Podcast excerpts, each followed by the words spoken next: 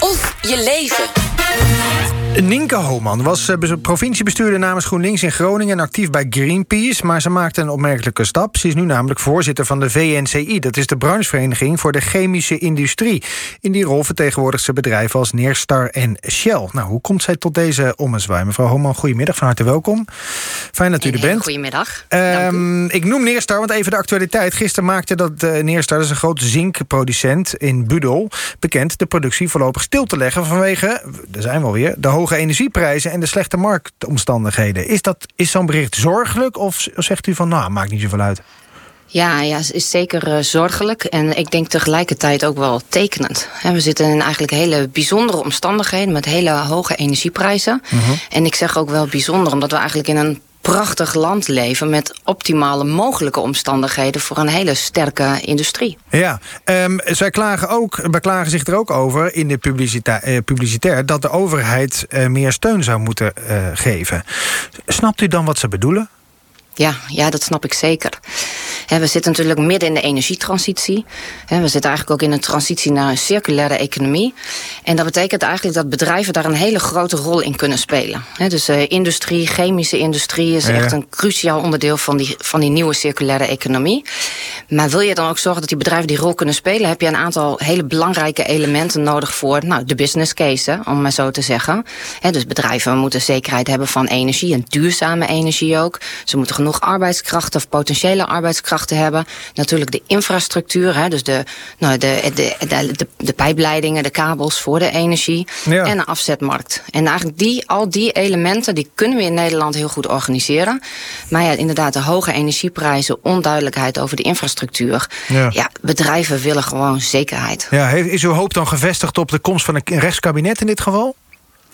Nou, welk kabinet dan ook. Het moet in ieder geval zorgen voor zekerheid... Voor, nou ja, ja. dat die bedrijven dus ook die rol kunnen spelen. Ja. Eventjes uw, de VNCI schetsen. Uh, grote ja. sector vertegenwoordigt u.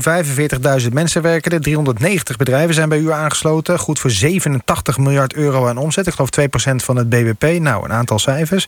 Toch ligt die industrie, chemische industrie steeds meer onder druk. De officier van justitie noemt het chemiebedrijf amateuristisch op het gebied van veiligheid. Deze chemische fabriek in Dordrecht van Gemoers is deels aansprakelijk voor schade in de omgeving door vervuiling met een PFAS-variant. Heeft Shell besloten om 10 nieuwe grote olie- en gasprojecten te ontwikkelen. Ja, u kent het sentiment in Nederland waarschijnlijk ook wel... Uh, als het gaat om de, om de chemische industrie. Uh, sterker nog, u kent het sentiment in uw eigen partij waarschijnlijk ook wel... als het gaat om, om uh, die chemische industrie. Hoe zou u dat sentiment beschrijven?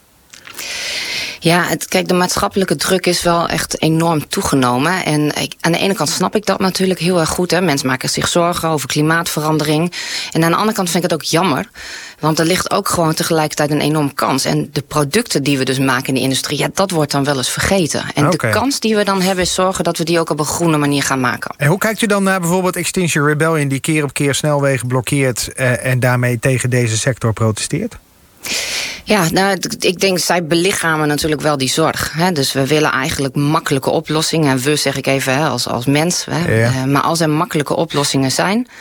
Uh, en dat gaat echt niet alleen over geld. Nee. Maar als er makkelijke oplossingen zouden zijn... dan zouden we dat natuurlijk al lang met elkaar doen. Want eigenlijk iedereen is wel bezorgd. Ja, maar er zitten, maar vast, die zijn er vast, niet. zitten vast bekenden van u bij op die snelweg, of niet? Ja, nou, dat zou best kunnen, inderdaad. Ja. ja. Maar dat is wel uh, een gedeelte dat... van mijn achterban, inderdaad. Ja, maar juicht u dat toe dat ze daar zitten of juist niet? Nee, nou, Tuurlijk, ik ben voor demonstratierecht. Ik vind ook dat ja, mensen moeten kunnen demonstreren. Hè, dus dat is logisch. Mm. Uh, maar ik zou het nog veel toffer vinden als we komen helpen om die chemische industrie te verduurzamen. Want we hebben ontzettend veel vacatures. Ja, ja. Hè, we hebben duurzame energie nodig, windmolens, infrastructuur.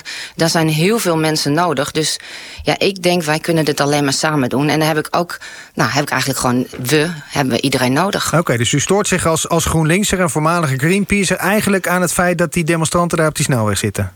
Nee, nee, nee, dat zei ik niet. Ik stoor me daar niet aan. Ik vind het uh, terecht dat ze er zitten en dat ze zich zorgen maken. Ja. Uh, ik zie alleen wel ook andere mogelijkheden om bij te dragen. Ja, want u zegt zelfs, kom bij ons werken. Dus ik hoor u ook niet zeggen van, zoals velen van... van ja, sorry dat ik u die weer mee lastigval... uw, uw partijgenoten zeggen van die, die, die vieze industrie... Die, die zijn we liever kwijt dan rijk. Ja, kijk, dat, uh, het woord vieze industrie... dat er is eigenlijk een soort van beeld ontstaan dat de industrie iets is wat ver van ons afstaat. Maar ja, dus eigenlijk wij allemaal gebruiken dagelijks de producten die in die industrie worden gemaakt. Hè. Van het moment dat je opstaat van je matras, hè, totdat je uh, nou, je telefoon gebruikt, of nou ja. ja. eigenlijk de verpakking van je voedsel, dat, dat, is, dat zijn de resultaten van die industrie. Ja. Dus willen we zorgen dat nou, we dat allemaal verduurzamen, want dat is natuurlijk wat ontzettend veel mensen willen, ook de demonstranten van Extinction Rebellion. Ja. ja, dan moet je dus zorgen dat je die industrie kan verduurzamen. Nou, dat is wel ook waar we net ook over hadden. En dan heb je dus duurzame energie, infrastructuur, maar ook mensen nodig. Ja, maar dan toch even concreet. Ehm, Tata Steel, ik weet trouwens niet of die bij u aangesloten zit. Volgens mij niet, Nee, hè? Maar dat is een staalbedrijf. Ja, precies. Maar er is, is natuurlijk wel een, een, een bedrijf wat u misschien dan een warm hart toe zou dragen. Uw, uw eigen partij zegt van nou, die Cokes 2-fabriek moet zo snel mogelijk gesloten worden. Want dat is, die, die is enorm vervuilend. Ehm, bent u dat dan eens of niet? Nou, wat ik ik- eigenlijk, hè, want het is inderdaad geen eh, lid van de VNCI, maar het is natuurlijk wel een, grote energiegebruiker. Maar tegelijkertijd maken ze natuurlijk ook producten, net zoals heel veel eh, van, van de achterban van de VNCI, hè, die wij alle dag gebruiken. En dat geldt natuurlijk voor staal ook. Ja. En wat, waar het dus eigenlijk over gaat, hè, is dat je aan de ene kant wil je dat er zo min mogelijk wordt uitgestoten. En, en dan bedoel ik van allerlei stoffen, maar vooral ook CO2. Eh, en je wil ook niet dat dat probleem zich gewoon even simpel verplaatst. Je wil het oplossen. En dat is denk ik waar Nederland echt een super mooie positie heeft. Enorm veel potentie voor offshore wind. Nou, we hebben net eh, de vorige sprekers Ja. gehoord over de, de potentie van Ja. eh, zonne-energie.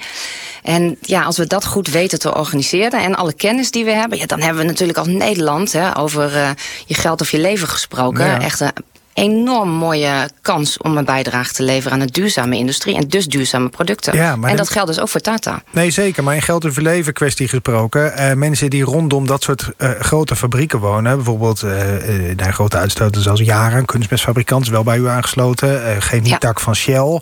Mensen die daar in de buurt wonen, ja, die, die zullen iets anders zeggen als het over geld of leven gaat, denk ik. Ja, en tegelijk, eh, dat snap ik heel goed. Hè. En eh, er zijn natuurlijk ontzettend veel stoffen. Hè. De chemische processen zijn dus inderdaad, eh, nou, dat gaat dus over de chemie. Ja. En dus dat betekent dat verandert wat. En daar gebruik je ook speciale moleculen voor. Maar dat zijn wel de producten die jij en ik gebruiken, of die wij met elkaar Oké, gebruiken. dus u zegt van luister, we kunnen een ideale wereld schetsen waarin die bedrijven er niet zijn, maar dat is gewoon niet reëel. Nee, en je kan. Nee, precies. Dat is eigenlijk wel eh, wat wel reëel is om te zorgen met elkaar dat we dit gaan Ja. verduurzamen. Ja. En dan ook wel in Nederland, want daar ligt ook wel een enorme kans. Oké. En ik merk wel dat dat af en toe even gemist wordt. Ja. We hebben in Nederland zoveel ervaring eigenlijk met eh, chemie. We hebben zout, we hebben eh, aardgas jarenlang heel makkelijk gehad. We hebben enorme havens. Ja. Dus dat zijn eigenlijk allemaal dingen en een enorme bak aan kennis die niet alleen hier straks nodig is voor die circulaire economie of de energietransitie. We maken bijvoorbeeld ook onderdelen van die zonnepanelen. Maar die ook in Europa en daarbuiten Mhm, Ja. nodig zijn. En Dus als toch- we dit een beetje goed met elkaar organiseren. Oké, ja, dan. Ja, maakt hem niet af. Maar we beginnen dit gesprek met Neerstar. Die heeft de productie stilgelegd. Er Worden blijkbaar niet genoeg gecompenseerd, zegt u ook, vanuit, eh, vanuit de overheid. Gaan er meer bedrijven volgen die eh, sti- stilgelegd gaan worden, denkt u? Omdat het allemaal te duur wordt? Ja, het- ja dat, ik heb natuurlijk geen glazen bol. Hè, maar als je kijkt naar wat bedrijven nodig hebben voor nou, hun business case. Hè, dus die hebben die zekerheid nodig van duurzame energie. Hè. De Ja. CO2-prijs blijft natuurlijk gewoon toenemen. Dus al die bedrijven die willen natuurlijk gewoon duurzame energie. Dus dat is elektriciteit, dat zijn moleculen zoals waterstof. Ja. Ehm, die willen gewoon hier natuurlijk hun Nee, bedrijvigheid zeker. Wat ze blijven. is hebben er ook voor Maar bent u, hier. bang, bent u bang dat er meer stil komen te liggen?